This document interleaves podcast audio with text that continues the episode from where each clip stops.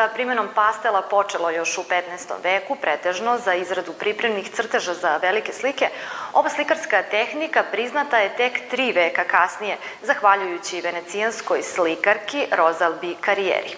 Prvu ovu nedeljnu arteriju posvećujemo izložbi rađenoj u ovoj tehnici. Iz emisije izdvajamo. Izložba Nikole Pešića otvorena u malom likovnom salonu Kulturnog centra Novog Sada. Fotografije Arpada Diošija predstavljene u američkom kutku. Sa kakvim problemima se suočavaju umetnici u Kikindi?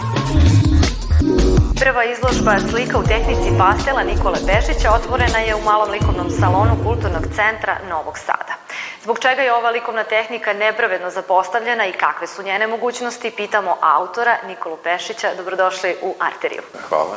Zbog čega ste se opredelili za rad u tehnici i pastela? Do sada sam se inače bavio te e, slikanjem ulja na platnu, klasičnoj tehnici slikarskoj, a ovaj, bavio sam se i skulpturom, e, instalacijom objektima i tako dalje. E, ovom tehnikom se bavim od pre tri godine. Zanimljiva mi je zato što nije, nije toliko zastupljena kao slikarska tehnika, već više kao cr, crtačka tehnika za neke skice i tako. Međutim, e, tehnološki napredak, sad imamo bolje papire nego pre i bolje te ovi, pastele u olovkama i tako dalje. E, tako da je moguće raditi sad malo i ovako komplikovanije i složenije kompozicije, detaljnije i jednostavno mi je to bio izazov da probam e, tom tehnikom, da se, da se oprobamo toj tehnici. Ne. Ovde se nalaze radovi koji su od 2019. ja mislim, ove, 2019. ali nisu to naravno svi radovi koje sam uradio, nego one koje sam uspeo sada da pokupim. Uglavnom su svi kod kolekcionara nekih i to sam sakupio, znači od raznih kolekcionara i predstavio ovde u Novom Sadu. I ovo je moja prva izložba pastela, inače, e, i prva izložba u Novom Sadu, što mi je jako drago jer sam se odnedavno preselio ovde. Inače, veza sa Novim Sadom e, imam od pre, e, radio sam e, skulpturu Ibis koja se dodeljivala kao nagrada na filmskom festivalu Cinema City i eto tako. Drago mi je da novoseđenju vide moju umetnost. Na koji način se primenjuje pastel i zbog čega su ga umetnici često izbjegavali? Problem je kod pastela čuvanje i zapravo pastel je procvet, procvet e, kao tehnika doživeo tek u 18. veku, kada je zapravo i počela proizvodnja ovih stakala e, ravnih, e, ispod kojih je moglo da se čuva. Ja ne fiksiram pastele kao što nisu fiksirali ni u 18. veku, jer tad se gubi sjaj i intenzitet boja, nego odmah čim završim rad idem na uramljivanje i na taj način se čuva ta tehnika. Koje teme vas okupiraju i šta je ono što ste želeli da prenesete svojoj publici? Za svoje slike bih inače mogao da kažem da su to neke kao energetske manifestacije nekih e, duhovnih ili mentalnih procesa, bez nekog narativa učitanog, e, tako da to ovaj, ostavljam publici da sama doživi radove intuitivno. E, koliko je potrebno vremena za jedan umetnički rad? Konkretno ovo je Pa do mesec dana otprilike rada svakodnevnog, tako. Zato što je jako trošna tehnika, osipa se, lako može da se zabrlja, mora da se ide postepeno, deo po deo da se radi na dole, od zgore na dole, koriste se i neke maske da, da se ne zabrlja pigment, tako da dosta traje. Hvala na razgovoru.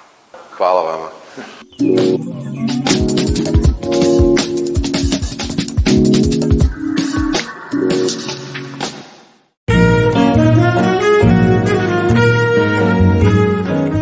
Muzički pravac nastao u afroameričkim zajednicama New Orleansa krajem 19. i početkom 20. veka, jazz, ali i pojedini drugi muzički žanrovi i njihovi predstavnici, kako domaće, tako i strane scene, poslužili su kao inspiracija fotografu Dioši Arpadu, koji je svoj rad predstavio u američkom kutku postavkom Jazz and Beyond.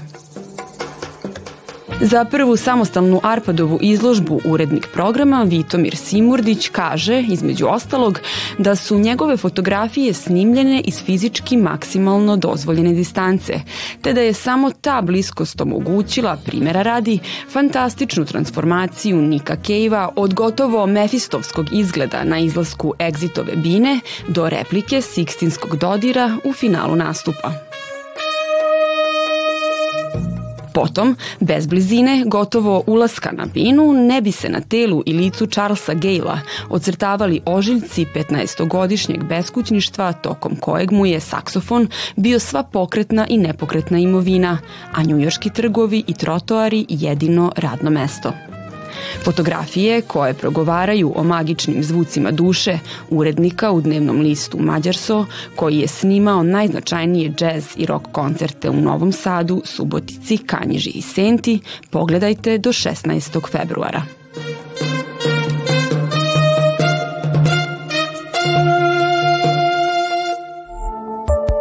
Najveći problem sa kojim se suočavaju mladi umetnici jeste nepostojanje razvijenog tržišta, dok je ono koje već postoji, izlagačka scena, odvojeno od zanatskog i teorijskog aspekta znanja koje se stiče na fakultetu, stavi učesnika panel diskusije o položaju mladih umetnika u Srbiji, koji je organizovao Centar za likovnu i primenjenu umetnost Tera u Kikindi. Tako da su veće strukture i za stimulaciju i veći programi za obrazovanje i integrisanje uh, mladih umetnika u samu scenu potrebni, zato što prostor postoji.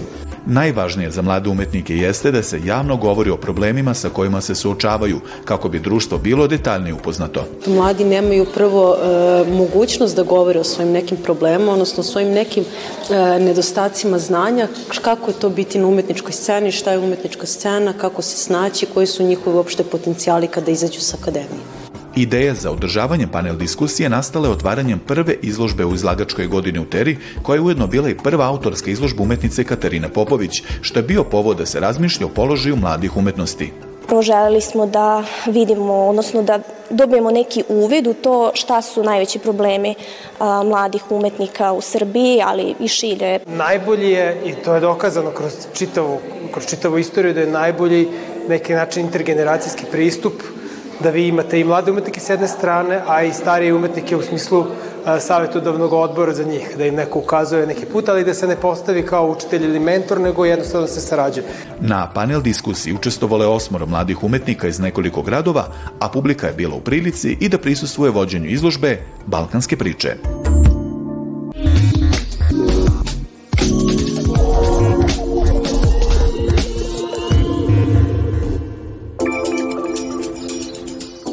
Davno izgubljeni portret čuvenog austrijskog slikara Gustava Klimta, koji je pronađen nakon više od 100 godina, naći će se na aukciji u Beču u aprilu ove godine. Stručnjaci procenjuju da delo, portret gospođice Lizer, može dostići cenu od čak 80 miliona evra.